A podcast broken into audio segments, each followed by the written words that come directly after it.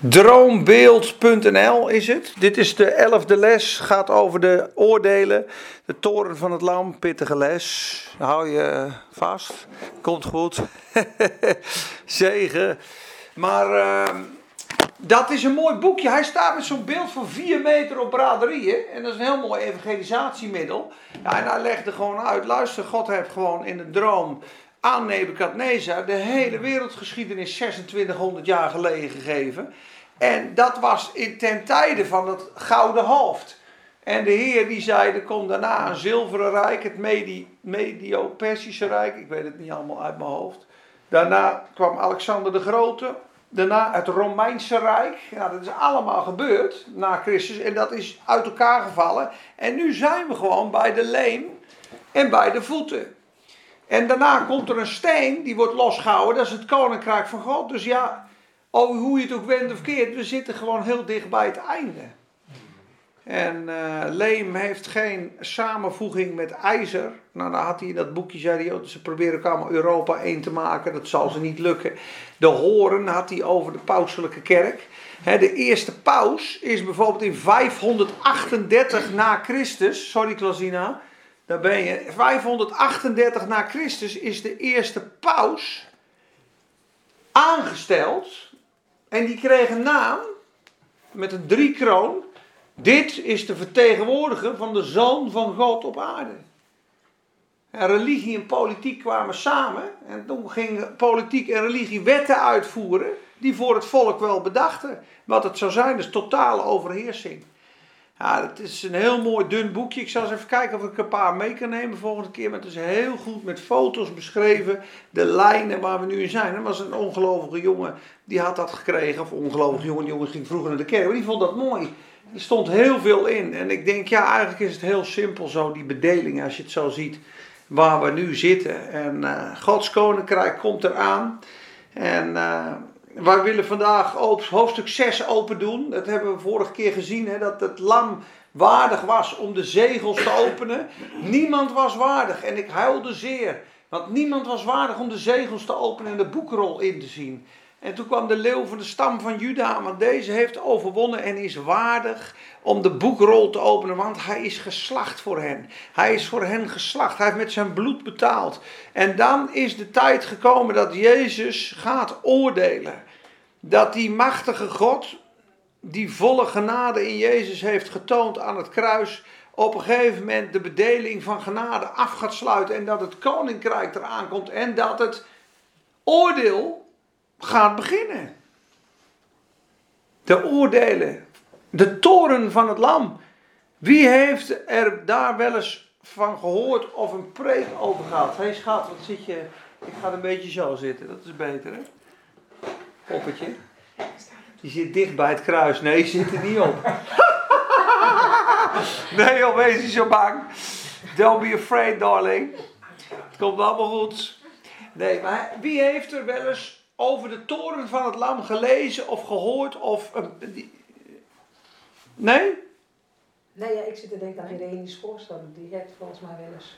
Ja, ja. ik wel dat ik er wel, maar ik kan het niet zo snel even benoemen. Nee, maar goed, het is je niet onbekend. Ja, ja. ja het past precies net hoor. Jullie? Ja. ja, en weet je er nog wat, wat hij ervan zei? Of misschien? Dat is lang terug. Lang terug. Maar, maar niet veel. Nee, maar dat, nee. nee, je, hoort, je, hoort, je hoort natuurlijk, en dat is ook wel begrijpelijk, je hoort natuurlijk altijd de goede boodschap en de opwekkingsliederen. En hij houdt van ons en hij heeft ons gekocht en betaald en we zijn zijn kinderen. En halleluja, en halleluja, en halleluja. Maar dit is ook de Bijbel en dit wordt heel vaak omzeild, overgeslagen. Maar ja, de oordelen van God zijn net zo een deel van zijn karakter. En dan ga ik een tekst lezen, dat hoef je niet op te zoeken, maar dat kan je misschien wel opschrijven.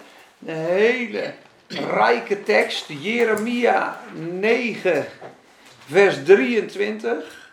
Daar staat Gods karakter beschreven. Hoe hij is en waar hij uit bestaat. Want God is volkomen rechtvaardig, volkomen heilig en volkomen barmhartig. Alleen ja, wij willen natuurlijk liever alleen de barmhartige kant van de Heer. Dus het is eigenlijk een beetje hetzelfde als je met je vrouw de liefelijke kant op de slaapkamer, dat waardeer je wel. En, eh, maar ja, er eh, ook helpen en eh, in het huishouden ook een vloertje dweilen en een schuttingje timmeren. En ook een scheldbui kunnen verdragen en er kunnen troosten. Ja, dat, zit meer bij. En zo is het met God ook. Jeremia volgens mij is, is een en al toornigheid. Als je Jeremia ja, maar als, ja, ja, ja, maar meer verdriet. Want als je Jeremia goed leest, dan zie je eigenlijk een huilende bruidegom. Ja, maar oké. Okay. Ja. Het wordt wel allemaal onder de mantel der liefde benoemd, toch? Nou, God is het zat. Tegenwoordig, hè, nu? Ja, zeker, zeker, zeker. Kijk, eh, over Jeremia gesproken, moet je in hoofdstuk 15, dan is de Heer het zo zat, dat we daar toch heen gaan we zijn toch lekker aan het, surfen. Volgens mij staat 15 vers 1. Ja, kijk, hier, de Heer zei tegen mij, als stond Mozes of Samuel nu voor mijn aangezicht, dan nog zou mijn ziel niet met dit volk van doen willen hebben. Dan is het zo zat. Als stond Samuel en Mozes voor mijn aangezicht om nu voor jullie te bidden, ik ben je helemaal zat. Want jullie en je kinderen door het vuur en dit en dat en uiteindelijk uh, als je het goed leest, is het, ja, ze zijn aan het hoereren en hij heeft ze zo lief. Het is eigenlijk een bruidegom die zegt, jongens, jongens, jongens, wat doe je me veel aan. En toch dat hart er weer achter en daarna is het ook weer genade. Maar ik heb het boek Jeremia wel eens gelezen, toen zat ik rillend in de hoekje. Ja, denk ik, daar zit ik nu in, dus daar word ik niet vrolijk van. Nee, is er nog wel hoop voor mij, dacht ik toen. Oh, oh, oh. Maar dat is dus het mooie, als die gerichten komen en die berispingen, dan heb je daarna de vreedzame vrucht van gerechtigheid, zegt Hebreeën. Het moment van tuchtiging en opvoeding van de Heer is op het moment dat het plaatsvindt een zaak van weinig vreugde. Staat er, weinig vreugde. Je krijgt eigenlijk ja, een berisping, een ontmoeting of een bestraffing. Nou, ik heb het al vaker gezegd, wie de bestraffing van God haat, haat ook de kennis en de wetenschap. Nou, dat willen we vandaag niet meer horen, de bestraffing des Heren. Hou eens op met bestraffing. Omhelzing moeten we hebben. Maar wat bestraft hij dan in ons? Snap je, hij voedt ons op. Hij bestraft dat hoogmoedige deel, of hij bestraft dat kromme deel, of dat, dat, dat, dat verwonde deel. Het kan. hij zegt: Keert u tot mijn bestraffing Spreuken 1 vers 20. Keert u tot mijn bestraffing, want zie, ik wil mijn geest over u uitstorten en mijn woorden aan u bekendmaken. Dus voordat hij zijn geest uit kan storten en jou wat kan leren, moet je eerst onder zijn bestraffing komen. Maar dat is een liefdevolle bestraffing. Zoals een vader een zoon tuchtigt, zo tuchtigt de Heer degene die hij lief heeft. Zo disciplineert hij dan elk kleinkind van God, zegt Hebreeën. Maar geestelt hij iedere volwassen zoon die die aanneemt. Is dat gewoon geesteld? Ik heb een geestel van de Heer over mijn rug heen gehad. Nou, die was niet fijn, kan ik je zeggen. Maar dat heeft me toch een vrucht gebracht. Ik ben daar zo door de Heer uit het lood geslagen, maar ik was op een heilloze weg. Het moest hij doen. En dan staat er: getrouw zijn de wonden van een vriend. Met andere woorden, gaat je hele leven mee. De berisping van een vriend. Die heeft me toen in mijn keel gegrepen en die zei: Maat, nou ga je je vrouw lief hebben en stop je met de druif. Anders breek ik je benen. Dat was kwaad, maar ik, ik, heb nu een gezinsleven. Ik ben blij dat God die man stuurde. Dat was mijn buurman, die hield van me. Getrouw zijn zijn wonden. Dat deed me zeer op dat moment, maar mijn hele leven is daarbij gebleven. Er staat erachter: misleidend zijn de kussen van de vijand. Kom maar goed, maat. Kom bij, schot. Laat even maar zitten met die kinderen. Hè?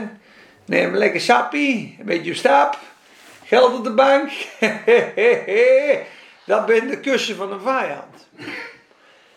Hoe zijn we hier nou weer beland? We gingen naar Jeremia. De Heer is nog wel stromen, zie je dat?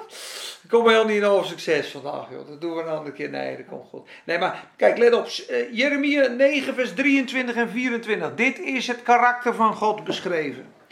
Zo zegt de Heer. Laat een wijze zich niet beroemen op zijn wijsheid. Laat de held zich niet beroemen op zijn sterkte. Laat een rijke zich niet beroemen op zijn rijkdom. Maar laat wie zich beroemt, wie juicht, wie jubelt, zich hierin beroemen dat hij begrijpt en mij kent. Dat hij mij begrijpt en kent. Dat ik de Heere ben die goede tierenheid bewijst, recht en gerechtigheid op de aarde doe, want in die dingen vind ik vreugde, spreekt de Heer. Zie je? Hij is een God van recht. Hij is een God van gerechtigheid. En hij is een God van barmhartigheid. En er komt dus een tijd, dan gaat hij recht doen. Over de aarde. Dat hebben we al vaker gesproken. God komt altijd aan zijn eer. Eerst komt hij aan zijn eer in het redden van zijn vijanden. Hij heeft zich overgegeven, biedt zijn verlossing en vergeving aan. Wie dat dankbaar in ontvangst neemt, eert God. Wordt verzoend met God. God krijgt glorie en eer en wil zijn eer bekendmaken. Wijst een mens God af en blijft hij een vijand. Na herhaalde vermaning wordt zijn nek. Wie zijn nek verhardt na herhaalde vermaning, wordt opeens onherstelbaar gebroken. is gewoon over. Hofni en Pina's. De Heer wilde hem doden, maar hoorden ze niet meer. Dus er komt een punt, zegt de Heer, tot hier en niet verder. Dan gaat hij zijn glorie en zijn heerlijkheid halen in het vernietigen van zijn vijanden. Dan zegt hij, maat, ik heb je 24.000 keer die hand gereikt. Nu is het over. Dan krijg je het oordeel. Het rechtvaardige oordeel. Want het bloed van heiligen is in u gevonden. En dan komt het oordeel. Onherroepelijk.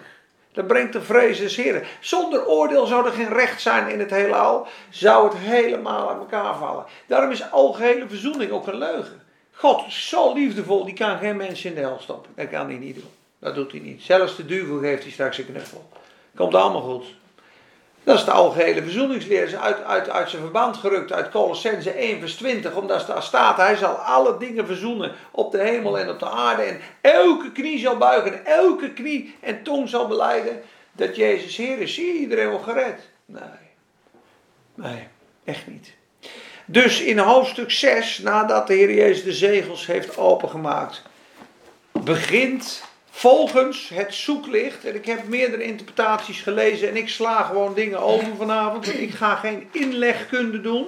Die tekst geef ik je ook nog mee vanavond. Die sla ik zomaar open nu. Kun je ook opschrijven. Paulus, nederig als die is, hoofdstuk 15 van Romeinen, vers 18. Wat zegt hij daar? Ik durf het niet aan iets te zeggen wat Christus niet in mij bewerkt heeft. Zie je? Dat doe ik niet. Ik zal niet spreken over datgene wat Christus nog niet in mij bewerkt heeft. Dus ik heb niet het volle licht over alle paarden in hoofdstuk 6. Dus dat ga ik ook niet vrijmoedig uh, delen. Ik kan wel zeggen wat ik misschien denk dat het is. Daar heb je misschien niet veel aan. Dat maakt niet uit. Maar ik ga niet zeggen, joh, het witte paard is 100.000 procent zeker dat. Dat weet ik niet. En ik zou je zeggen waarom. Er zijn en daar komen we vanavond ook op. Er zijn heel veel interpretaties over de wederkomst. En dat hebben we in les 1 en 2 gezegd. We gaan geen ruzie maken. De een zegt we gaan allemaal omhoog voordat Jezus terugkomt. Of eh, voordat de verdrukking begint. Allemaal. De kerk wordt weggehaald. Heb ik straks nog een paar vragen voor je. Nou, de anderen zeggen nee, we moeten een tijd door de verdrukking heen. Totdat het heel heftig wordt. En voor het hele heftige deel, in het midden, gaan we omhoog. Nou, dan is er een deel die zegt, nee, ik zie hier de tekst, ja, de zevende bazuin. Ja, bij de laatste bazuin eh, worden de doden opgewekt, gaan we omhoog. Ja, ik weet niet of je kan rekenen, maar de zevende bazuin is toch echt na de zesde. Ja, en, en voor de zesde, dan gebeurt er nogal wat, uh, Peet. Dus ja, hoe zie je dat dan? Dus daar hadden we les 2 het over. En dan dachten we, ja, we kunnen wel ruzie gaan maken. Ik kwam toen bij Watch Me en Watch heeft een visie die zegt, ja dat klopt, ze hebben, ze hebben alle drie gelijk, want er zijn meerdere opnames. Je hebt namelijk de eerste lichting van de diehards en de, de eerstelingen. Ja, dan heb je de mensen die onthoofd worden en die, die, die zich zo overgegeven hebben dat die verlost zijn van de wereld, dat de Heer zegt, kom. Ja, en dan heb je nog mensen die komen tot geloof in de grote verdrukking. En je hebt nog mensen die aan het eind rijp zijn, de rest van de oogst. Dus ja, hoe we dat precies moeten interpreteren, weet ik niet. Maar hij zegt, ik zie wel vijf opnames in de Bijbel. Dus ja, laten we dat gewoon zo zien, zeiden we toen, bij de opname, bij de wederkomst staat één woord. En dat blijft constant terugkomen, dat is waakzaamheid. Lees maar in je Bijbel, onderstreep maar. Het staat constant, wees waakzaam. Wees waakzaam. Bewaar je klederen. Zorg dat je niet in ruzie bent. Heb je lamp vol. Waakt en bid. Dus daar hebben we toen geconcludeerd, jongens, laten we waakzaam zijn. En klopt, ik kan je geen antwoord geven. Ben je nu perfect klaar? Ik kan je alleen zeggen dat Philadelphia, de broederliefdekerk, die zijn woord van zijn leidzaamheid bewaard heeft. Dat bewijs hebben we gezien in hoofdstuk 3, vers 10. Opdat u het woord van mijn geduld en leidzaamheid bewaard hebt, ja, zal ik jullie ook redden uit de uren de verzoeking die over de hele wereld komen zal. Klaar, hey, die gaan voor de grote verdrukking, zien we heel duidelijk. Maar wat is dat? Dat is Philadelphia, dat is broederliefde. Binnen heel hecht, hebben geen bekering van nodig en hebben kleine kracht, maar zijn woord niet verlogend, zijn naam niet verlogend. Zeven versen ervoor, in vers 3, zegt hij: Wees waakzaam, Sardis, de dode kerk. Want als u niet waakzaam bent, kom ik op een moment dat je het niet in de gaten hebt. En ik zal u voorzeker over u komen. Dan kun je gewoon zien, jongens, Sardis, die gaan niet de grote verdrukking ontvlieden. Die slapen, die waken niet, die denken, ach, mijn Heer vertraagt.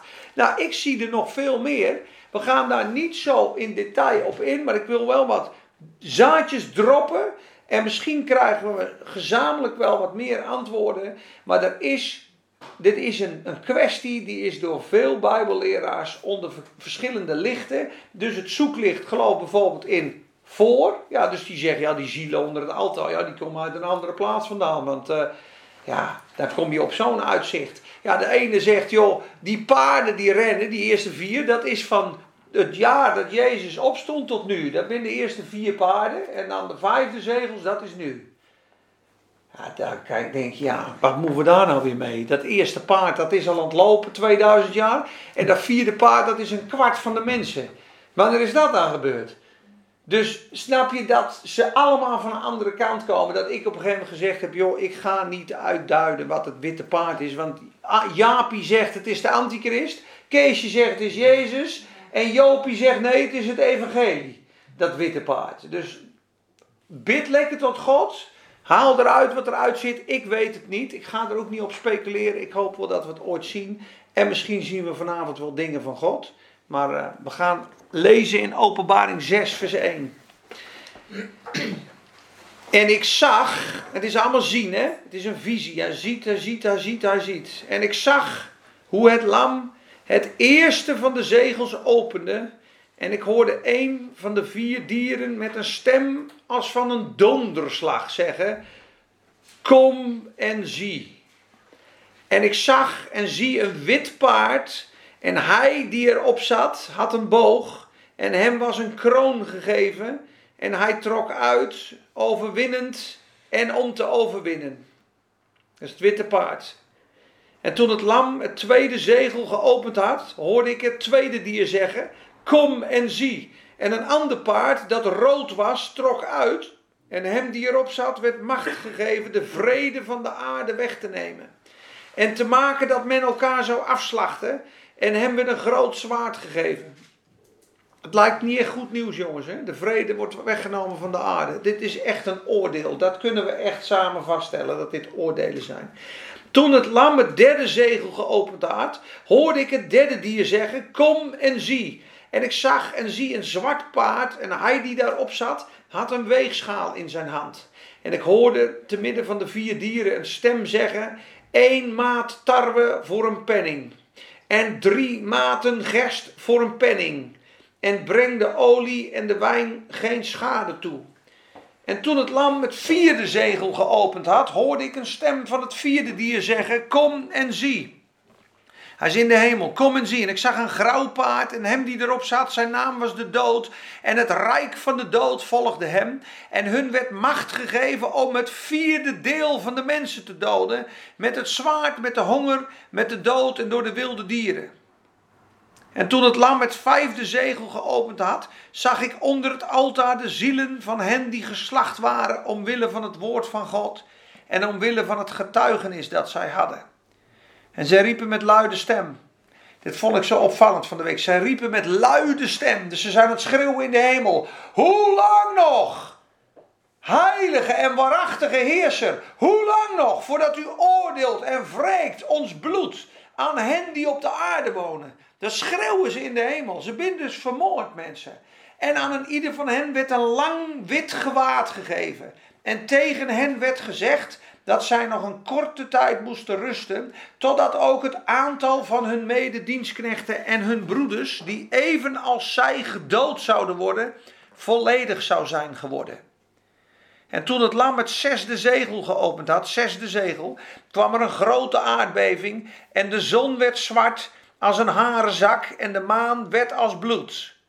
En de sterren van de hemel vielen op de aarde zoals een vijgenboom zijn onrijpe vijgen afwerpt als hij door een harde wind geschud wordt. En de hemel week terug als een boekrol, die wordt opgerold. En alle bergen en alle eilanden werden van hun plaats gerukt. En de koningen van de aarde, de groten, de rijken, de oversten over duizend, de machtigen en alle slaven en vrije mensen verborgen zich in de grotten en tussen de rotsen en de bergen. En zij zeiden tegen de bergen en rotsen: Val op ons en verberg ons voor het aangezicht van hem die op de troon zit en voor de toren van het Lam. Want de grote dag van zijn toren is aangebroken en wie kan dan staande blijven? Nou.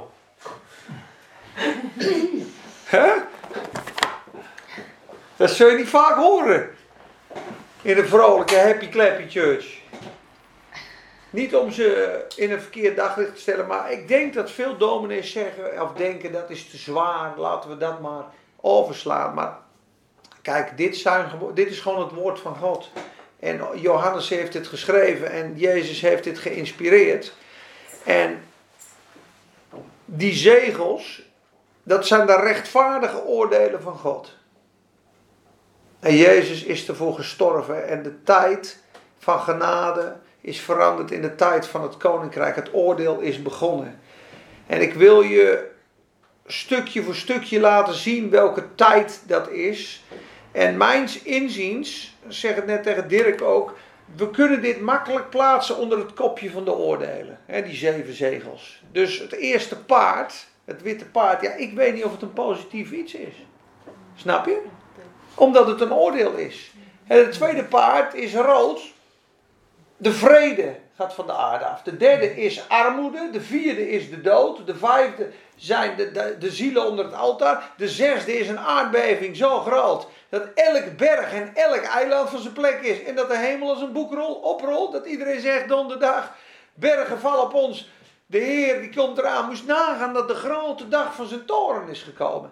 En dan gaan we straks naar de zevende zegel. Dus dit zijn, schrijf maar op, de eerste zijn de zegelgerichten. De zegelgerichten. Het laatste zegel, misschien gaan we straks nog kijken, de zevende, verandert in zeven bazuinen. Dus de zeven zegelgerichten worden de bazuingerichten, de trompetten, de trumpet judgments. Dus de bazuingerichten komen uit het zevende zegel. 1, 2, 3, 4, 5, 6, 7. Roef, een waaier eruit van trompetten. 1, 2, 3, 4, 5, 6. Zevende verandert in zeven schalen. Boef, dat is die aardewaaier die daaruit komt. Dus je hebt de zegelgerichten, de bazuinoordelen en de schaaloordelen. Nou, en de schalen, ja, als die leest, dan begin helemaal te rillen. Vooral de laatste drie. Die ben zo bliks... Ja, sorry. Die ben zo heftig. Die ben zo heftig, mensen. Maar dat is het oordeel op de aarde, op de Satan, op de duisternis. En om het boek goed te begrijpen, dit is een moeilijk boek. Het gaat over de openbaring van de Heer Jezus. Het is een profetisch boek. Het spreekt over de wederkomst. Het spreekt over de economie en het plan van God. Maar het spreekt ook over de oordelen over de aarde. En hoofdstuk 2 en 3 zijn oordelen over de kerk. Dan hoofdstuk 4 en 5, hebben we vorige week behandeld, is de scene in Heaven, die troon met donderslagen. Dan komt de, de, het lam, maakt de zegels open. En dan begint hoofdstuk 6 tot hoofdstuk 16. Binnen al die oordelen. Dat zijn de zeven zegels, de zeven trompetten en de zeven schalen. En dan is het klaar met de oordelen over de aarde. Dan is het, ja, dus vuurwerk is afgelopen. En daartussenin zullen we zien, zijn er nog heiligen, gebeuren er nog wonderen, hebben nog twee getuigen, komen er nog heel veel dingen tussendoor. Dan krijg je hoofdstuk 17 oordeel over geestelijk Babylon. Hoofdstuk 18 oordeel over materieel Babylon. Dan wordt het grote Babylonische Rijk en die stad die wordt geoordeeld. Dan komt de bruiloft, hoofdstuk 19. Dan komt het oordeel op de Satan, hoofdstuk 20. En dan komt de nieuwe hemel en de nieuwe aarde. En dan heeft God alles gericht. Dus hij gaat het hele heelal reinigen van alle zonde, van alle tegenstand, van alle duisternis. En dat heeft hij nu in deze tijd, doet hij dat met zijn bloed, met zijn geest, met zijn liefde. En hij roept de mensen, kom tot mij. Laat je wassen in het bloed. Laat je verzoenen met God. Ik ga mijn geest in je uitstorten. Ik ga je heiligen door het woord. Ik ga je rein maken. Ik ga je verlossen van de wereld. Ik ga je vullen met mijn kracht. Ik ga je plaatsen in mijn koninkrijk. Jij gaat stralen. Ik heb een geweldig plan met jou. En dat heeft hij met ons. Gelukkig, we zijn kinderen van God. We zijn gekocht en betaald. Maar hij gaat ook afrekening met de mensen die in de zonde blijven. En hij gaat die zonde oordelen. En dat doet hij van hoofdstuk 6 helemaal tot hoofdstuk 16. Daarom is het zo pittig. Dus hier zie je de toorn en de rechtvaardige wraak van God uitgestort worden over de wereld.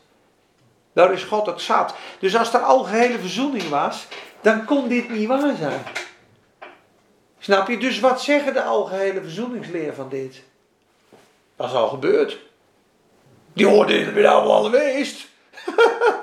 Noemen ze het preterisme. Snap je? Het preterisme, mij zeggen ze dan, jij bent een futurist. Want jij zegt dat dat allemaal nog moet gebeuren. Maar het past niet in het plaatje van Gods barmhartigheid dit. De toren van het lam. Dus is allemaal al geweest. Een kwart van de aarde is al weg. En de dader is al weg. De boekrol is al geweest. Alle eilanden binnen al van zijn plek af. Ja, tuurlijk. Ik weet niet meer welke Donald Duck je dat te lezen hebt. Maar dat klopt natuurlijk niet. Snap je? Dus, dus hier zie je Gods rechtvaardige toon. En het brengt ontzag voor God. Hij moet en zal dit richten. Hij is koning van de aarde. Hij heeft hem gekocht en betaald. En hij eist straks zijn bruid en de aarde op. En alles wat rebelleert tegen zijn majesteit, heeft met de Heer aan de stok te doen. En dat zie je in het Oude Testament al. Wie, wie, wie tegen de Heer opstond, die had gewoon een probleem. Laten we even kijken naar de farao, onze vrienden. Op de bodem van de Schelfzee.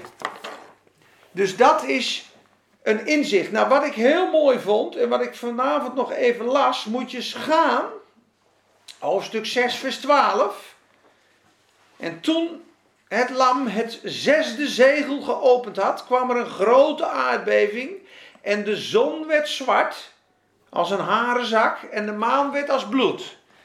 Nou, daar staat daar een verwijzing. Handelingen 2, vers 20. Moet je even opletten waar we nu profetisch zijn. Je mag het opzoeken, je mag het ook opschrijven, meelezen is het beste.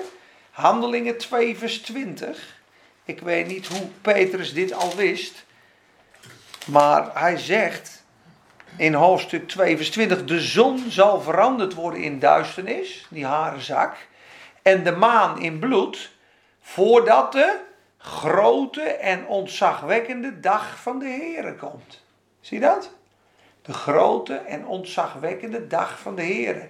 Nou, daar ben ik helemaal eens met het zoeklicht. Die zeggen ja, de grote ontzagwekkende dag van de Heer is de tijd van de verdrukking, is de tijd van de test. Dat is de zeven jaar. Dat is de jaarweek van Daniel 9. Zeven jaar. En hun zeggen, joh, die zeven jaar, gaat de antichrist eerst een verbond sluiten met de Israëlieten. Ze denken dat dat Jezus is. Hij zal de wapens inleveren, de ploeg. He, dus de, hoe staat het nou? De zwaarden worden omgesmeed tot ploegscharen. Dus de wapens worden ingeleverd. En als zij zeggen eindelijk rust en vrede, overkomt zich een plots verderf. Dat staat er. En ze zullen voorzeker niet ontvlieden. Dus, die zeven jaar is een periode. Hij houdt zich rustig. Wij zullen hem waarschijnlijk herkennen. Dan komt er een moment, dan keert hij zich om en gaat hij in de tempel zitten als een god. Wie weet dat? Dat doet hij, hè? Thessalonicense 2, Thessalonicense 2. Laten we dat maar even lezen, want dan gaan we een klein beetje over die wederkomst inzoomen. En dan laten we gewoon de Bijbel spreken. Want die grote en beruchte dag des Heren, die komt. He, daar waarschuwt ook Petrus voor. Wij gaan even kijken. Waar wou ik nou heen gaan? Sorry, heel goed. Dankjewel dat jullie, dat jullie wakker zijn. En daarna moeten we even onthouden, dan gaan we naar 2 Peters. Even iemand onthouden. 2 Thessalonicense 2, vers 1. En dit is een tekst, daar konden de gasten van de pre en de post, die konden daar dus niet tegen. Dus die, die, die dagen van Jezus komt en we gaan allemaal van tevoren omhoog. Kijk, wat zegt Paulus hier? En we vragen u dringend, dringend, broeders, met betrekking tot de komst van onze Heer Jezus en onze vereniging met Hem, dat u niet snel aan het wankelen wordt gebracht of verschrikt door een uiting van de geest, niet door een woord en ook niet door een brief die van ons afkomstig zou zijn, alsof de dag van Christus al aangebroken zou zijn. Laat niemand u op enige wijze misleiden, want die dag komt niet, tenzij eerst de afval gekomen is en de zoon van de wetteloosheid is geopenbaard, de zoon des verderfs, de Satan. De tegenstander die zich ook verheft boven al wat God genoemd wordt, of als God vereerd wordt, zodat hij als God in de tempel van God gaat zitten, in zichzelf als God voordoet. Herinnert u zich niet dat ik u deze dingen zei toen ik nog bij u was?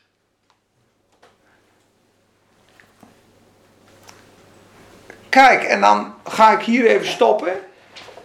Want Jezus zegt, vanaf het moment, en dat zegt Daniel ook, dat u de gruwel der verwoesting in de tempel ziet komen. Ja, hij die het leest, sla acht daarop. Daniel 12 vers 10. Ja, ja het wordt nog lastig hè. Maar zodra u de, de gruwel der verwoesting in de tempel zal zien zitten, is het nog 1260 dagen. Zegt Daniel. Dus, snap je die gasten die zeggen, joh, hoe bedoel je? Paulus zegt, die dag komt heel niet voordat hij eerst in de tempel gaat zitten. En zich laat zien als hij een God is. En dan zal hij de heilige zal die aanvallen. Dus hier zie je dat de dag des Heren niet komt voordat de boze geopenbaard is. Nou, dat zie je in 2 Petrus, zie je dat ook. 2 Petrus 3 vers 10.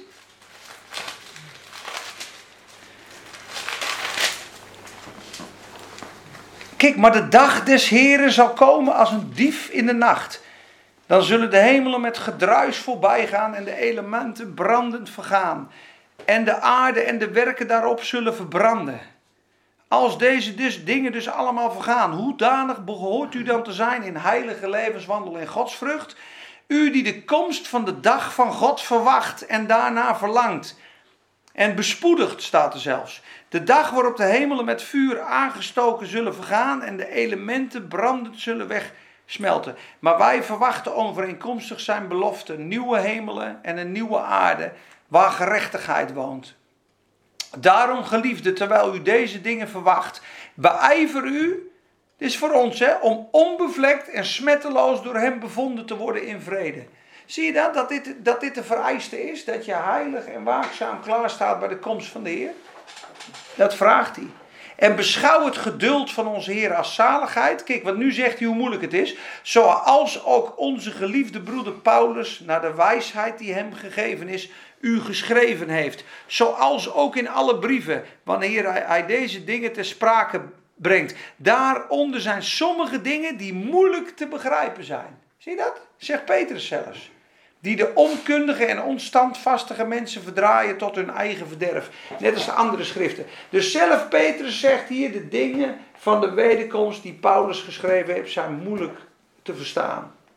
Dus de dag des Heren, die komt, die grote geduchte dag des Heren, dat is de uren der verzoeking. Dus we kunnen vaststellen, als wij bewaard worden uit de uren der verzoeking, ja, dat, dat is het begin van de dag van de Heer, ja, dat Philadelphia en de waakzamen, die worden voor de uren der verzoeking, worden die bewaard.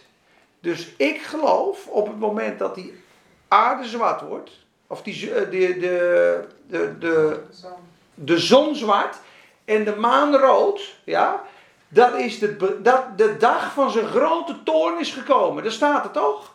Nou, kijk maar, ga maar terug naar hoofdstuk 6 van de openbaring, want daar staat precies hetzelfde. Kijk maar vers 12. De, de, de zon werd zwart als een harenzak en de maan werd als bloed. Dat is precies handelingen 20, toch?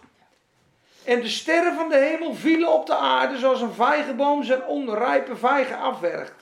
En door een harde wind werd geschud. En de hemel week terug als een boekrol.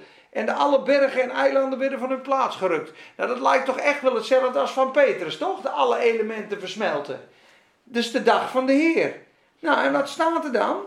Aan het eind, vers 17. Want de grote dag van zijn toorn is gekomen. Wie kan dan staande blijven? Zie je dat de grote dag van zijn toorn is hetzelfde als de grote dag des Heren die komt. Nou, daar spreekt het hele Oude Testament over. Wie zal bestaan in de dag des Heren? Want hij zal zijn als een stoppel. Hij zal alle goddelozen verbranden. Maar u, wie mijn naam vreest, zal de, de zonde gerechtigheid opgaan met genezing in zijn vleugelen. Dus voor degenen die zijn naam vrezen, die worden uit die uren gered. En ik zie hier dat voor deze dingen de kerk die wij kennen als Philadelphia, die heilig, onberispelijk, in vrede van hem gevonden worden, die zijn zijn kinderen, die zijn getest. Ik, dat is mijn persoonlijke mening, ik zie hier de eerste lichting die omhoog gaat voor de uren der verzoeking, de dag des Heren. Dat zie ik hier gebeuren. En als we dan verder lezen, in hoofdstuk 7, vers 4, want dan gaan we een paar sprongetjes maken. Dan vraag je je af, als iedereen nou omhoog zou gaan. Stel je voor, iedereen is, gaat omhoog voor de grote verdrukking. Hè? Iedereen. Laten we zeggen dat dat waar zou zijn. Dan zijn alle kinderen van God zijn weg. Waarom moeten dan in hoofdstuk 7 er 144.000 mensen verzegeld worden aan hun voorhoofd? Dus die worden verzegeld. Er komen een paar oordelen aan en dan zeggen die engelen: ho, ho, ho, ho, ho die ben verzegeld. Die oordelen zijn niet voor hen. Ja, er wordt natuurlijk gezegd dat het Israël dan is. Ja, ja. Dat zou goed, heel goed kunnen. Ja.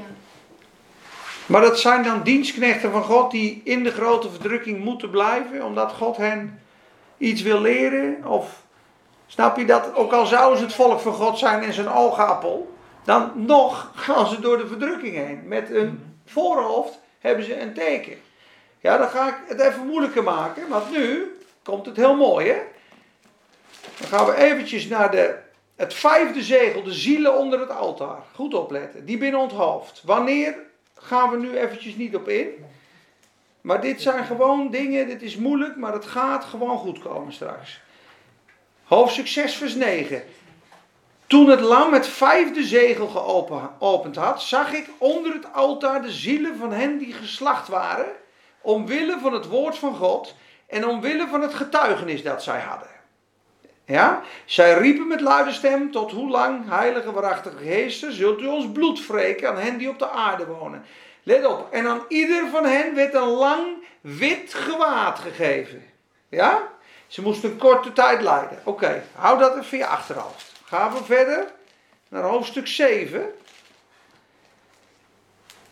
En daar staat een grote menigte.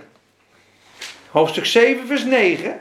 Hierna zag ik en zie een grote menigte die niemand tellen kon, uit alle naties, stammen, volken en talen, stond voor de troon en voor het lam. Dus die zitten hier in de hemel. bekleed met witte gewaden en palmtakken in hun hand. En ze riepen met luide stem het lied wat we vanavond gezongen hebben. De zaligheid is van God, die op de troon zit en van het lam. En alle engelen stonden rondom de troon, de ouderling en de vier dieren. Zij wierpen zich neer voor de troon met hun gezicht ter aarde en aanbaden God. Zeiden amen. De lofprijs, de heerlijkheid, de wijsheid en de dankzegging, de eer en de kracht en de sterkte is tot onze God in alle eeuwigheid. Amen. Hebben we net gezongen, hè? Let op, daar komt hij, hè? En een van de ouderlingen antwoordde en zei tegen mij: Deze die bekleed zijn met witte gewaden, wie zijn zij? En waar zijn zij vandaan gekomen? Ja, wie bent dat die hier nu voor de troon staat met die lange witte gewaad? En ik zei tegen hem, u weet het, mijn heer. En hij zei tegen mij, kijk, deze zijn het die uit de grote verdrukking komen. Dus die is dan al begonnen, zie je? En ze hebben hun gewaden gewassen en ze hebben hun gewaden wit gemaakt in het bloed van het lam. Dus het zijn gewoon gelovige broeders die zijn onthoofd. Die staan in de hemel te zingen. Die hebben ook gezegd, Heer, wreek ons bloed. Hoe lang nog? Doe een wit gewaad aan. Ja? Rust nog een tijd. Totdat je broeders ook onthoofd worden. Ja? En dat getal vol is. En hier zie je, waar komen ze nou vandaan? Ze komen uit de grote verdrukking. Dus volgens dit hoofdstuk is de grote verdrukking hier al begonnen. Nou, ik ga het niet moeilijker nu voor je maken, maar als je nou straks doorleest, zijn er nog heiligen op de aarde? Ben ze nog een keer aan hun voorhoofd? Komt er nog een, een oordeeltje of wat aan? Worden ze nog onthalf bij het beeld? Vecht de draak tegen de heiligen en overwonnen hen? Ik weet niet waar die mensen vandaan komen, maar er zijn nog steeds heiligen op de aarde. Dus ja, je mij gaat vertellen dat niemand door de grote verdrukking heen gaat, ja, dat vind ik heel moeilijk te begrijpen. En je ziet dus dat God het toestaat en dat het in het plan zit dat er mensen onthoofd worden voor hem. Dit evangelie, dit hoor je toch nooit, nooit jongens. Dit is waarom, kijk hier, dit heb ik van de week nog gedeeld. Toen dacht ik, ja, Jezus is voor mij gestorven, die heeft mij vrijgekocht. Dat staat vast. En nu is hij in mij, maar ben ik dan ook bereid om voor hem te sterven? Ga ik hem ook lief hebben? Hij had mij volledig lief. En toen dacht ik, ja, als je niet bereid bent voor hem om te sterven, ja, dan kun je ook niet voor hem leven. Dat vond ik heel pittig. Ja. Wat je stuurde. Ja. Daar heb ik de hele dag over nagedacht. Ja. Ik denk, nou, ja. wat moet ik hiermee? Ja. Wat, moet, wat moeten wij hiermee? Ja. Ja. Dat is nogal wat. wat dat is het. Wat, hè? Ja. Maar dat is het, lieve schat. Ja. Ja, want dat kruis wat daar hangt, dat vinden wij prachtig, daar knielen we bij en dan krijgen we vergeving. Maar daarna zegt hij, dat kruis wil ik dat je dagelijks op je neemt en mij navolgt. Dus op het moment dat je je leven aan Jezus gaf, ben je eigenlijk met hem gekruisigd en gestorven. Dus die Marian, dat vinden we lekker, dat gedeelte dat Peter in het graf is, dat hij nooit meer veroordeeld wordt. Maar Petertje wil nog graag blijven leven. En toch wel zijn oude leventje een beetje in stand houden. Want ja, dat vind ik toch wel lekker. Maar de Heer zegt, ja, maar lieve, het werd toch een deal. Ik heb je toch gekocht, je bent toch gestorven. Ik ben nu toch jouw leven. Mag ik het voor jou in het zeggen krijgen? Ja, maar dat vind, ik, dat vind ik moeilijk om op te geven. Dus alles wat je niet wil opgeven, kan die je niet gebruiken. Maar als je op het punt gekomen bent dat de Heer zegt, waar ik ook ga, ik ben bereid om voor u te sterven. Dat zei Petrus ook. En toen zei hij een vriend, vannacht ga je me nog drie keer verloochenen. Ik, ik zal voor je sterven. Dat dacht hij. Ik niet. Allemaal zullen ze u verlaten. Ik vaast niet, zei hij. Vaast niet. Maar hij, hij verloochende hem met vloeken en tieren en zweren. Hij was niet aan het einde van zichzelf gekomen nog. En dan komt de Pinksterdag. Want hij weende bitterlijk.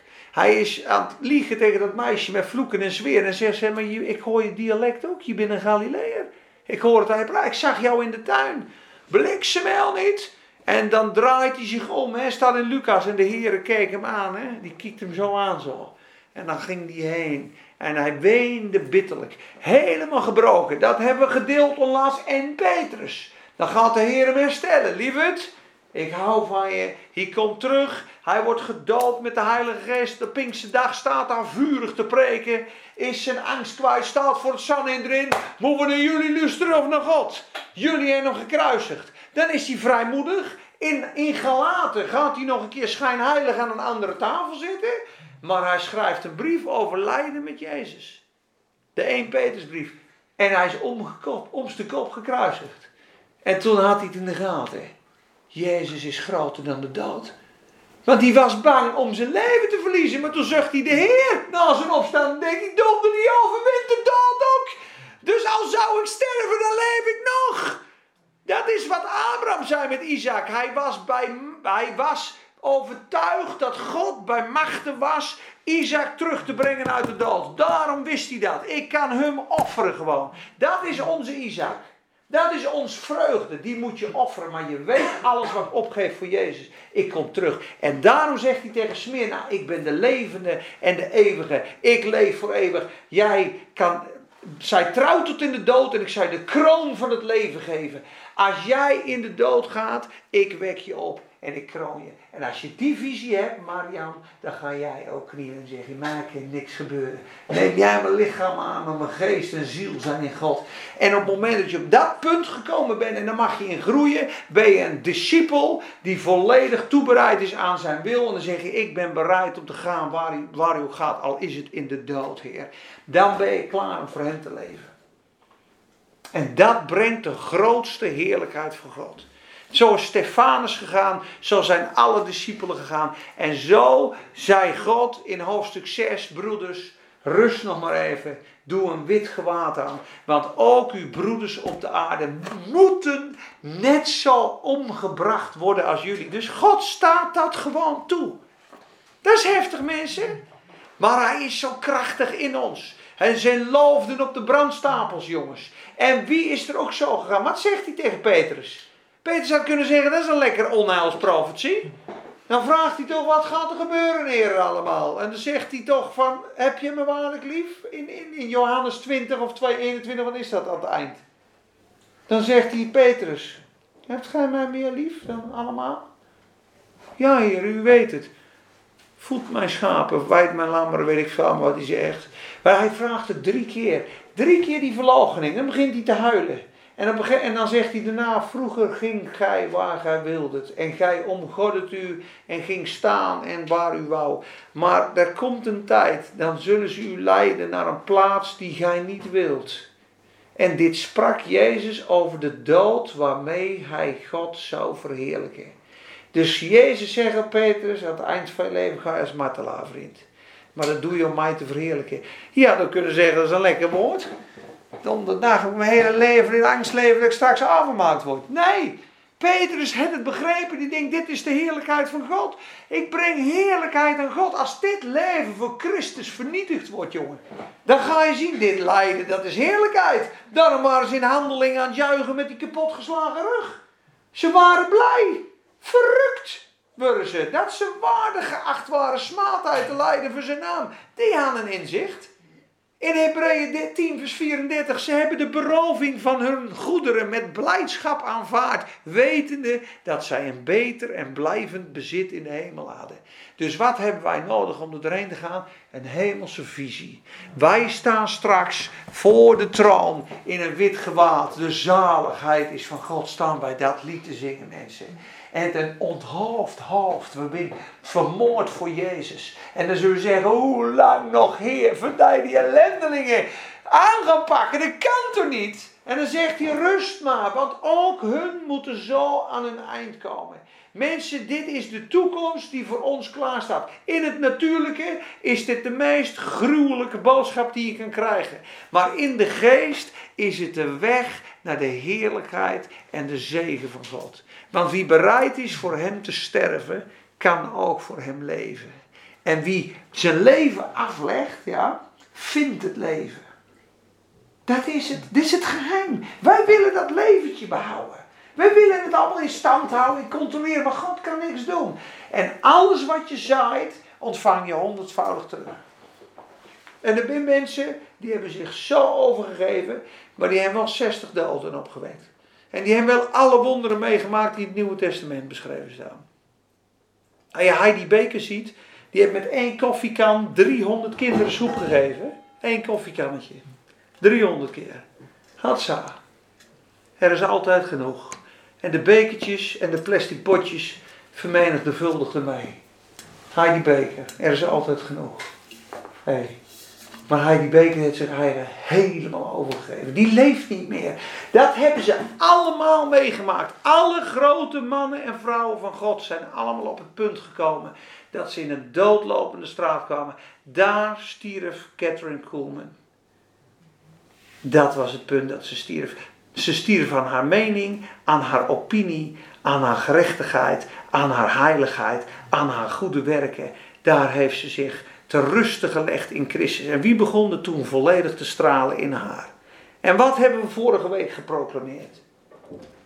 Het is niet langer ik die leef, maar Christus leeft in mij. En het leven wat ik nu leef, leef ik door geloof in de Zoon van God. Die zichzelf heeft overgegeven voor mij en mij heeft liefgehad. Dat is wat wij allemaal moeten leren. Dat is de werkelijke beproeving van je geloof. Maar dat hebben ze in Arabië ook wel eens gedaan. Er binnen een paar broeders hebben zich verkleed. Die denken, ja, die zijn allemaal half lauw. En die ben een keer zondag naar binnen gerend met mitrailleurs. Zweer je Jezus af? En dan gingen ze, ja, ja, ja, en rennen en haren, die gingen zitten zo. Schieten maat. Schieten maar, halleluja. En toen wisten ze wie, wie, wie er waarlijk voor Jezus stond en wie niet. En hij geeft genade, mensen. Dit is geen bange boodschap dat je het in eigen kracht doet. Hij zal je zo vullen met zijn geest. Maar het is het plan van God dat wij door lijden heen en verdrukking heen het koninkrijk beërven. En dat door het lijden zijn heerlijkheid over ons gezocht wordt. Waarom? Omdat we vijanden zijn van de wereld. Omdat we van het koninkrijk zijn. We hebben gezegd, Satan, Fuck off! Sorry voor het woord. Ik kan er eventjes niks anders bedenken. We hebben gezegd: Satan, rot op. Ik, ik ben tegen jou. Ik ben tegen de zonde. Ik ben tegen jouw koninkrijk. Ik verklaar jou de oorlog met mijn doop. Ik behoor Jezus toe. Ik heb niks met jou van doen. Daarom zegt Jezus: Als ze mij gehaat zullen hebben, zullen ze jullie ook haten. Als ze de Heer des huizes, ik die volmaakt in liefde ben, als ze mij al Beelzebub hebben genoemd, hoeveel te meer zijn huisgenoten? Hoeveel te meer? In de wereld zult u verdrukking hebben, maar heb goede moed. Ik heb de wereld overwonnen. Als je dicht bij Jezus wil leven en de rijkste zalving en de dikste gemeenschap wil hebben, is het door het lijden en de verdrukking heen. Want als jij in de boot van Jezus gaat, dwars tegen dat koninkrijk van Satan heen, sloop je alles wat duister is. Als je vol gas je overgeeft aan, Jezus, is het wonder op wonder op doorbraak op doorbraak. Dan ben je één grote atoombom in het koninkrijk der duisternis. Dan zien ze zoveel licht dat ze denken, ja, die daar, die lichtbal, die moeten we echt heen. Dat zie je toch bij Paulus, die vervolgingen. Hij preekt en ze stenigen hem. Hij preekt en hij zit in de gevangenis. Hij werpt een demon uit en ze pakken hem weer. Maar hij gaat maar door. De liefde van Christus dringt mij. Hij verheugde zich krachtig in het lijden. Wat voor visie had hij dan? Het weegt niet op tegen de heerlijkheid die in mij geopenbaard zal worden. Want het lijden van deze tegenwoordige wereld weegt niet op. Onze, ja, dat is heftig dat de Bijbel dat zegt. Onze lichte verdrukking. Onze lichte verdrukking, die zeer snel voorbij gaat. Ja, werkt voor ons een gans, zeer, eeuwig gewicht van heerlijkheid. Een gans zeer eeuwig gewicht staat er. Een zeer groot gewicht van heerlijkheid.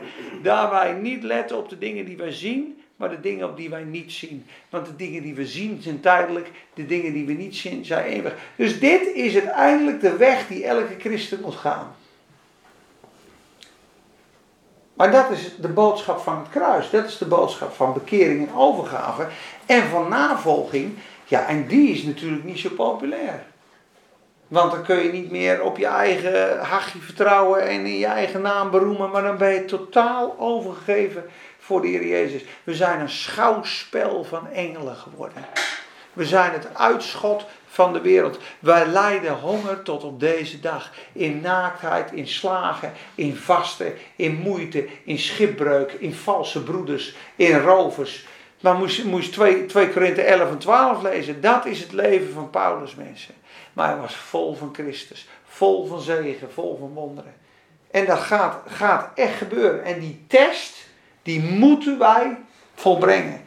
En daarom geloof ik dat er bij Philadelphia staat, omdat jullie het woord van mijn volharding hebben bewaard, dus mijn test al eigenlijk gemaakt hebben, zal ik jullie ook redden uit de uren der verzoeking. Is toch heel logisch? Die zijn toch al getest, die hebben al een gekruisigd leven. Die gasten zijn aan het bidden, die hebben al zoveel vervolging gehad. De Heer zegt, waarom zou ik jou laten testen, maat? Je bent met vlag en wimpel geslaagd. We gaan de bruiloft vieren. Misschien ben je al vermoord voor de geloof. In, in bepaalde landen. Wat denk je hoeveel mensen er vermoord zijn voor Jezus? Al heel wat. In de, de, loop van de eeuw. En waar staan ze nu? Met een lang gewaad voor de troon. Ultieme test. Dat is uiteindelijk, als je alle discipelen volgt, ben ze allemaal als martelaar gestorven. En dan zijn wij vandaag de dag discipelen en het is, het is geweldig, het is mooi, het is zegen en God is met ons. Maar als je dit leest, dan denk je, Heer, hoe kun je dat nou toestaan? Hij heeft de macht om in te grijpen. Hij hoeft maar dit te doen. Hij kan ze allemaal neerstompen. Nee, rust nog een kleine tijd, want uw broeders op de aarde moeten ook zo omkomen. Net als jullie. Ja. Dat is het woord van God. Dat is heel apart. Maar toch is zijn wil. Het was de wil van God dat hij naar Gethsemane ging. Het was de wil van God dat Stefanus gestenigd werd. Dat is moeilijk, hè? Maar verheerlijkte God. Johannes de Doper, zijn hoofd is eraf gehaald. Denk je dat God hem er niet uit had kunnen halen? Uit de gevangenis? Ik denk het wel. En dat is het mooie als je daarvan verlost bent voor de angst van de dood. Maar daar moet je komen, dat je je hele leven op dat altaar legt. Dat je zegt, mijn leven is geborgen in Jezus. Ik ben met de Jezus gezeten. Wat mijn weg ook is, straks misschien in de verdrukking die gaat komen, misschien praten we er wel over. Of ik daarheen ga, of ik daarheen ga, of ik dat juk zal dragen, of daar doorheen ga. Ik ga wandelen in de wil van God. Ik ga zijn wil doen. Ik ga niet mezelf redden. Ik laat hem rechter zijn. En ik ga zoveel mogelijk vrucht proberen te dragen in Christus door me over te geven. Dat is het overwinnende leven van een christen. Amen. Waar zijn we? Oh heer, we zitten alweer bijna op een uur, jongens. Kunnen jullie toch allemaal aan en volgen? Ja hoor, zeker. Oké. Okay. is heel stil. Ja, maar deze zijn het die uit de grote verdrukking komen. En zij hebben hun gewaden gewassen en ze hebben hun gewaden wit gemaakt in het bloed van het lam. Daarom zijn zij voor de troon van God en dienen hem dag en nacht in zijn tempel. En hij die op de troon zit, zal zijn tent over hen uitspreiden. Ze zullen geen honger of dorst meer hebben en geen zonnesteek of enige hitte zal hen treffen. Want de lam want het lam dat in het midden van de troon is, zal hen wijden en zal hen geleiden naar de levende waterbronnen. En God zal alle tranen van hun ogen afwissen.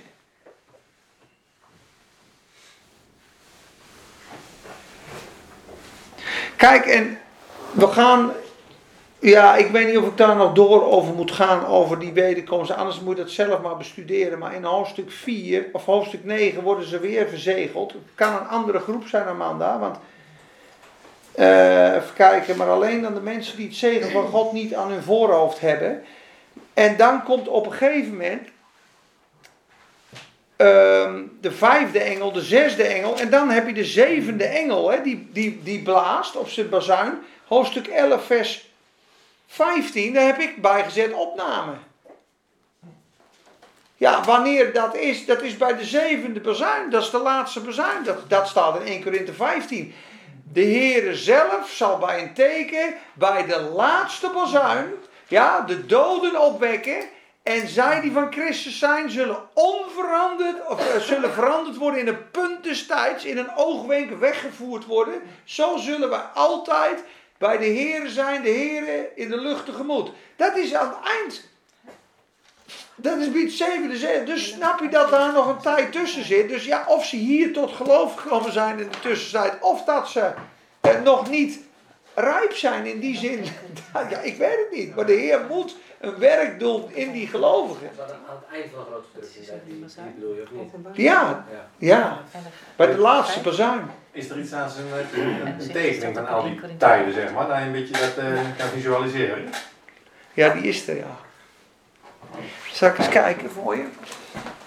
Maar Die die, is ook meteen weer met de visie van die mensen. Ja, dat klopt. Er zijn heel veel visies. Chart. Ja, maar aan de hand van hoe het aan openbaring is. Ja, ik vind, deze is van, eh, eh, deze is van Witness Lee, Chart Recovery Version, eh, Rapture of Coming. Koud, hè? Echt? Ik heb het hartstikke warm. Ja, jij. Jij bent wel heel van jezelf. Dat jij dat ding weet. Ja, het wordt koud ook niet, hè? Dus aan de grond. Ja. Halve nieuw laag. Gewoon 26 graden, lekker. Als je dat ervaring dat echt zo koud lijkt. Toch dan? Ja, op. Een jas of voor voor Ja, maar ik uit. Vorige week Ja. Hier, reken maat. Ik zag hem net. Wacht even. Ik had dus weer op. Eh, En dat is ook Dat is wel even Ja. altijd slim. Volgende week hij mee. even kijken hoor. Ik zag hem net. Eentje terug. Ik, ik heb nu een woordje te veel Bij heeft de- Bij die bruiloft zijn. Zo- Hier, deze. Kijk, hier staat hij. En ik weet niet of hij er helemaal op is. Dit is een andere chart. Die. Kijk, last three and a half years of the Great Tribulation, first three and a half years. Deze kan ik wel voor je uitprinten, man. Die is helemaal uitgetekend. Seven seals, seven trumpets, seven bowls at the ends, with the rapture of the saints. En dan heeft hij het over de overwinnaars, het mannelijk kind en de rest van de alp. Hij zegt dat er drie bin. Maar goed, we weten allemaal dat we uit genade zalig zijn. Alleen de mensen die, zich, die Jezus op nummer 1 hebben, ja, als de bruidegom komt, dat zijn zijn vrienden en die hem naast aan het hart liggen. En de mensen die zeggen, ik moet eerst een span ossen kopen, ik moet eerst een vrouw trouwen, ik moet eerst een veld bezien, hebben hun werk en hun huwelijk hoger dan de Heer. De wijze maagd, ik moest er nog aan denken, die hebben geld om olie te kopen. Maar ze houden dat vast, dat stukje. Dus de Heer wil dat je met je hele hart hem dient en dat je klaar staat voor zijn parousia, zijn komst. En dat zijn mensen die zien uit naar zijn komst. We hebben een les gehad over Anna en Simeon in de tempel, die voortdurend aan het bidden en die uitzien naar zijn komst. Heer Jezus, kom, Heer Jezus, kom. Dat zijn de mensen die staan, mijns inzien, klaar. Daar zegt Lucas van, waakt en bid te alle tijd dat je waardig geacht mag worden al deze dingen te ontvlieden en te staan voor de zoon des mensen. En dit is pittig onderwijs. Nou, en dan heb je mensen waar Watchman niet zegt, weet je wat God doet met die mensen? Ze zeggen, oké, jij vindt de wereld nog zo goed, hè? Blijf nog maar even dan. Dan zul je zien dat de God van deze wereld, hoe die wereld in elkaar zit. En dan komen die oordelen over de wereld. Dan zegt hij, kom uit haar vandaan, mijn volk, dat je niet deel hebt aan haar zonde en ook van haar plagen ontvangt. Dat staat er ook. Dus hij wil dat we weggaan bij die wereld. En dan worden we verzegeld, dan worden ze getoetst. Die, die moeten de vervolging, hij zegt, die moeten de vervolging van antichrist verdragen. Want antichrist is het oordeel van God over de wereld. En alle mensen die nog helemaal in de wereld zitten, die wil God helemaal losbreken van de wereld. Doordat ze klaar zijn voor de eeuwigheid en zijn komst. Want hij moet in ons nog een werk doen. En dat heeft niet met je redding te maken, maar dat heeft te maken hoe jij de rest van de eeuwigheid bij de Heer bent. Dan zie je allemaal hele serieuze, bedrukte gezichten. Hè? Ik zit er na te denken. Ja. Maar dit is het onvervalste, pure woord van God. En er staat te vaak waakzaamheid, heiligheid. Wij moeten verlost worden van deze wereld. En alle dingen waar we aan vastzitten in de wereld, ook ik, moeten los. Dat is een geheiligd leven. En dat heeft hij namelijk al gedaan. Want toen wij naar het kruis gingen, zeiden we, joh, we nemen afscheid van de wereld. Ja, we nemen afscheid van de zonde. Ik geef mijzelf aan u. En u redt mij Ja, en wat er gebeurt is in de geest, is je bent helemaal vrij van de wereld, vrij van de zonde, ben je in Christus gezet. Hier. Hier ben je helemaal schoon en rein. Nou zit je lichaam hier nog op aarde. En nou wil God je geest, je ziel en je lichaam helemaal onberispelijk heiligen. Dus dat je lichaam en je ziel in één komt met je geest. Dat je eigenlijk wordt wie je bent. Dus als je zegt, joh heer, ik nam afscheid van de wereld en je blijft dan in de wereld, kan die dat werk in ons niet doen. En dat is het deel wat wij allemaal in ons leven, dat noemen ze het overwinnen van. En dat is het verschil tussen een vleeselijk christen en een geestelijk christen. Ja, mensen, dat is, uh, dat is de boodschap van het kruis. En dat is een boodschap die is hard nodig. Want luister, door dit woord, dat lijkt wel een, een beetje tuchtiging. Door dit woord, ja, denk je wel twee keer na. Ik las nog dit, hè. En daar sluiten we mee af. Moest kijken hoe dit vroeger ging in Exodus 20. Als op een gegeven moment de wet gegeven werd, hè. Want kijk, als je het over de wet hebt, dat, dat, daar houden we ook niet zo van. Hè? De wet is afgedaan, de wet, daar hebben we niks meer mee te maken. Maar uiteindelijk, als je geest vervuld bent, zou de wet, zou onze wandel moeten zijn. Snap je wat ik bedoel? Dat als je eert je vader en je moeder, je wordt niet rechtvaardig bij God door je vader en moeder te eren. Maar een, een kind vol van de Heilige Geest eerst zijn vader en zijn moeder. Dat ben je met me eens. Nou, dan zegt hij in vers 20, vers 20. Moest kijken, Mozes zei tegen het volk: Wees niet bevreesd, want God is gekomen om u op de proef te stellen, opdat de vrezen voor hem u voor ogen staat, opdat u niet zondigt. Zie je dat door de vrezen des Heren, door het ontzag voor God, zondigen wij niet. En de genade redt ons van de zonde en zijn effecten door het ons niet toe te rekenen. Maar het recht van God, de gerechtigheid van God, waarschuwt ons, tuchtigt ons, reinigt ons en geeft ons de kracht en de macht om ook de zonde te overwinnen. Hij rekent het ons niet aan, maar hij wil ook dat we het overwinnen. En dat is uiteindelijk wat ik moet leren, wat we allemaal moeten leren. Door gebed, door overgave. En dat kan enkel en alleen door het kruis van de Heer Jezus. Ja. Maar hij is ook niet zo gauw tevreden, hè? Want als je openbaringen uh, leest, die brieven, die, die, die, die, die, die uh, geeft opdracht dat hij nou, die brieven moet schrijven. Ja. Dan uh, zegt hij ook steeds, ja, jullie zijn goed, maar... Ja. Maar hij is ook, ik zit ja. te lezen, hij is steeds niet tevreden. Ja. Wat je ook doet, hij is lang niet tevreden. Ja. En als ik dat dan lees, denk ik, niet, dus moet je nog meer doen, nee. Ja. Ja, en dan moet je goed begrijpen, dat snap ik heel goed, en dat had ik vroeger ook. Hij begint openbaring en die les, daar was jij er niet. En dat is, uh, toen begonnen wij, hij heeft ons gewassen in zijn bloed. Hij heeft ons lief gehad. Hij heeft ons koningen en priesters gemaakt. Dat staat gewoon vast. Je bent zijn kind en hij houdt van je. Alleen om je tot dat koningschap en dat priesterschap te brengen, heeft hij nodig om je op te voeden. Daarom zegt hij tegen die gemeente: Jullie zijn goed bezig, maar je hebt je eerste liefde verlaten. Dus je bent meer bezig met de wereld en je getuigt niet meer zoveel van mij. Lieverd, als je dat doet, gaat de kandelaar weg. Maar als je het wel doet, als je getuigt van mij en je overgeeft, laat ik je eten van de boom des levens, dan zul je alle zegeningen ervaren van mijn goedheid en draag je meer vrucht. Dus hij is ze aan het heiligen en aan het opvoeden. Daar begonnen we deze les mee. Dit is best wel pittig, want je krijgt eigenlijk een functioneringsgesprek van Jezus. En je zegt, ja, dit en dit gaat goed, maar dat gaat niet goed. Maar dat doet hij natuurlijk met het uiteindelijke doel om je veel meer te zegenen. Net als die snoeit in Johannes 15. Ieder, de tak die vrucht draagt in mij, die reinigt hij. Die snoeit hij opdat we meer vrucht dragen. Dus uiteindelijk is dat snoeien alleen maar goed. Alleen het doet pijn. Snoeien doet pijn. Het tuchtiging van de Heer is een zaak van weinig vreugde. Maar daarna de vreedzame vrucht van gerechtigheid. Moest naar een Gordon Ramsay langskomt in je restaurant. Ja, die kip die is niet, die, die, land, die, die, die menukaart klopt niet, de verlichting klopt niet, dit klopt niet, dat personeel klopt niet, dat klopt niet, dat klopt niet en de hele interieur klopt ook niet. En dan sta je aardig en sta sta je daar al met een paar camera's. Maar goed, volg zijn raad eens op. Twee jaar later, omzet verdriedubbeld. Beste zaak van de hele omgeving.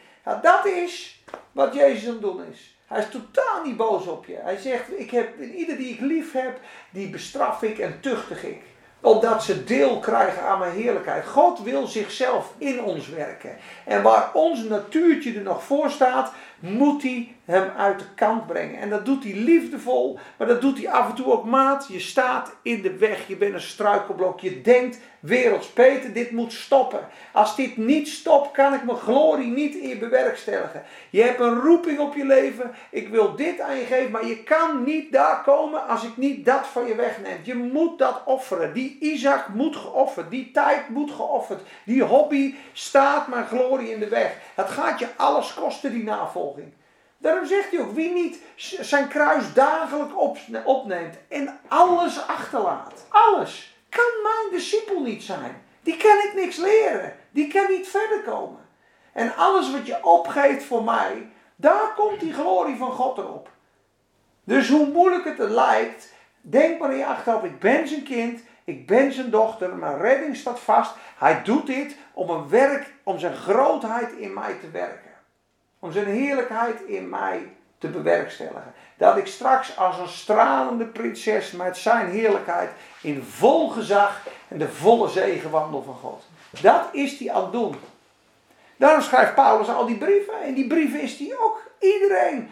Kinderen van God begint hij in Korinthe. Jullie zijn heilig en rein, maar ik heb tegen jullie, hebt scheuringen. Jullie zitten bij de tempelprostitutie. Je bent elkaar aan het aanklagen. Uh, die ligt met zijn schoonmoeder te knuffelen. Ja, sorry, die zijn dronken aan de avondmaalstafel.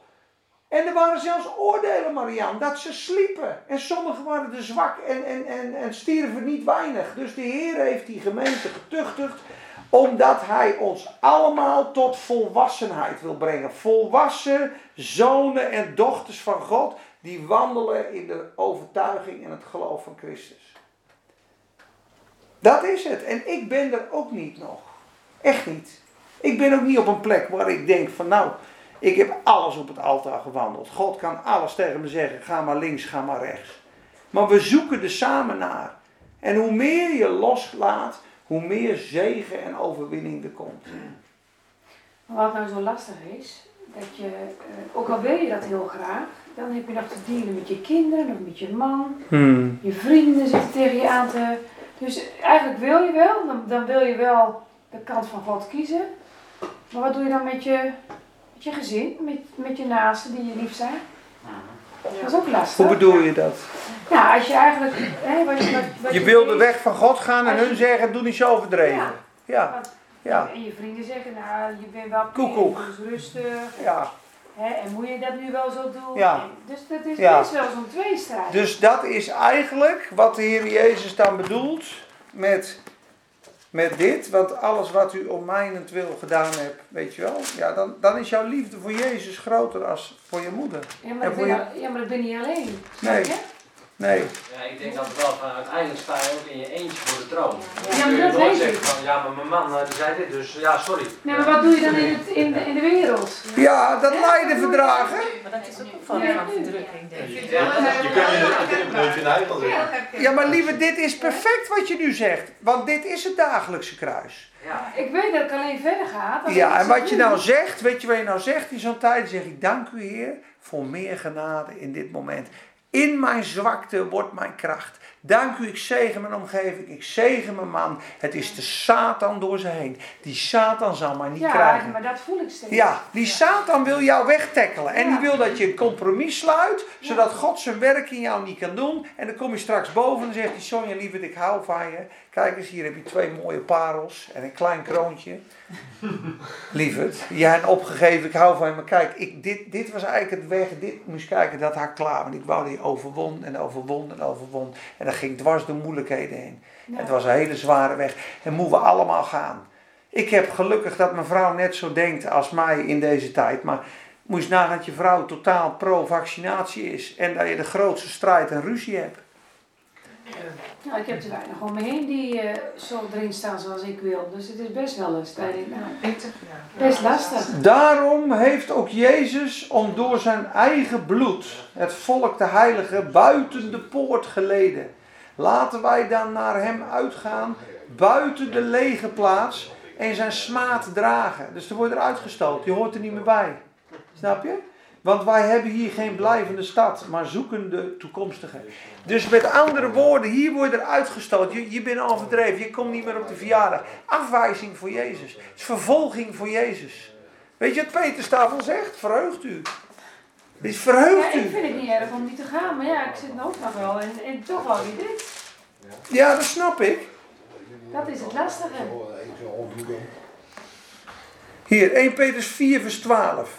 Lijden als een christen. Dat is het laatste hoor.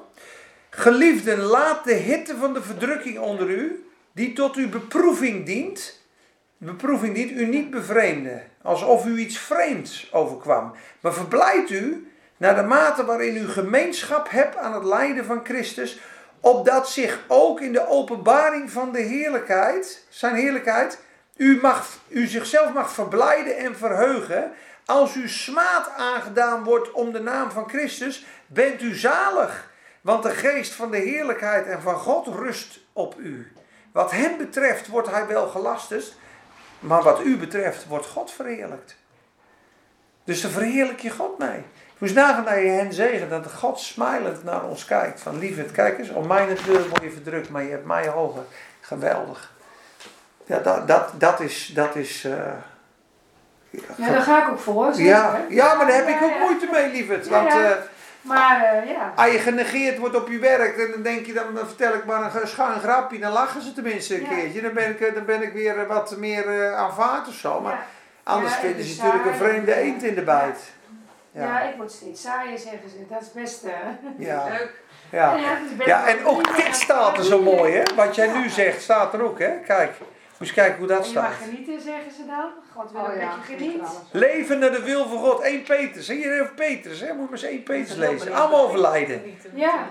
Maar ja. Omdat Christus voor ons in het vlees geleden heeft. Hij heeft geleden in het vlees. Moet u ook zichzelf wapenen met dezelfde gedachte. Ik ga lijden in het vlees. Opdat ik volop in de geest kom. Hoe meer je lijdt in het vlees, hoe meer je in de geest komt. Ja. ja. Want wie in het vlees geleden heeft, is opgehouden met de zonde. Om nu in de tijd die ons nog overblijft in het vlees niet meer naar de begeerte van mensen, maar naar de wil van God te leven. Want wij hebben vroeger, voorgaande tijd, ons leven al lang genoeg de wil van de heidenen gedaan. Wij wandelden toen in uitingen van losbandigheid, begeerten, dronkenschap, zwelgpartijen, drinkgelagen en allerlei walgelijke afgoderij. Daarbij bevreemdt het nu uw nieuwe vrienden nu, ja, uw oude vrienden nu, dat, het hun, dat u niet meer meeloopt met hen in dezelfde uitbarsting van losbandigheid. En zij belasteren u, staat er gewoon in Peters. Hè? Maar zij zullen rekenschap af moeten leggen aan hem die gereed staat om te oordelen de levenden en de doden. Dus ze zegt niet, als u straks smaden en uitlachen. 1 Peters 4 is dit. En dit staat in het hele Nieuwe Testament. En als je hierin de overwinning krijgt, mensen, dan zegent God jou met zijn constante tegenwoordigheid en leef je in de vrucht van de geest. En dat is precies wat je altijd wil. Dan bidden we toch, ik wil meer als u zijn. Ik wil, ik wil uw vrucht hebben. Dat gaat de Heer doen. Weet je wanneer je mijn vrucht krijgt? Als de duivel je vier keer met een zweep slaat en als de mensen je uitbuiten. Want dan moet je wel schuilen in mij. En ik pers jou eigenlijk naar de kern van mijn hart. En het doet pijn in het vlees, maar in de geest ga je als de brandweer. Ja, zo is het. Wij moeten een hemelse visie krijgen op lijden. Totdat je lijden. Daarom zegt Paulus: Als ik zwak ben, ben ik sterk. Ik heb daarom nu een welbehagen in noden, vervolgingen, in slagen en moeilijkheden en tegenslagen. Ik verheug me erin nu. Want als ik zwak ben, ben ik sterk. Want nu woont de kracht van Christus op mij. Ik heb de Heer drie keer gebeden. Marian, drie keer gebeden. Hou op met dit gezeik. Haal het bij me weg. En hij zei, mijn genade is u genoeg. Drie keer heeft Paulus gebeden. Wil je alsjeblieft stoppen met die doorn in mijn vlees? Waar slaat dit op, joh? Mijn genade is u genoeg, want mijn kracht wordt openbaar in zwakheid. Dus door de smaad word je zwak, maar Christus wordt sterk in je. Dus het zijn vermomde zegeningen, Sonja. Vermomde zegeningen binnen het. En dan ga je ervoor danken en dan zeg je, Heer, het ben uitdaging. En denk, die duivel, die kreeg me niet. Ik ga dieper in Christus. En er komt een tijd, dan gaat God zelfs je vijanden met je verzoenen. Dan geeft hij als een geschenk, dan draait hij zich om. En dan komen ze vijf jaar later huilend bij je. Lieverd, wat was ik blind. En wat ben ik blij dat je bent blijven bidden en blijven strijden voor mij. En dan zul je samen de overwinning bepalen. En wij moeten ook onze vijanden lief hebben. Straks ook, jongen. Stefanus bidt voor degene die hem stenigen. Weet je wel, straks op de aarde, we, zullen verdrukt worden. Maar wat mooi als je kan blijven bidden voor je vijanden en je hart zuiver kan houden. Want als Dirk en ik ons natuur opvolgen, dan, dan, ik denk dat we een, een bloedbad aanrichten met z'n tweeën. He? Echt waar, als ik mijn natuur opvolg. Maar in Christus. Ja, maar dat moeten wij leren. En dat is de weg van het kruis. En daarom zei Hein Posma zo mooi tegen mij: Peet, vandaag moeten we overwinnen als het lam. En morgen kom je terug met de Heer als de leeuw. Dan mag je wraak nemen. Straks zit je op een paard, dan mag je ze allemaal helemaal kapot stampen. Echt waar. Hoofdstuk 17, vers 14. De Heer komt straks terug om te oordelen en die met hem op paarden achter hem. De heiligen, de uitverkorenen en de geroepenen. En wat doen we dan? Met een zwaard uit ons mond gericht brengen over de aarde. En dan treedt hij de wijnpersbak van de wraak van God. Dan is onze wraak zoet. Maar hij overwon als het lam. En dat moeten we allemaal leren. Ik ben als het lam, slacht mij maar. Om Christus wil laat ik me slachten. Maar oh, wat een heerlijkheid en oh, wat een vreugde. En dat is de weg, jongens, die we moeten gaan. Allemaal. Amen? Ja. Amen.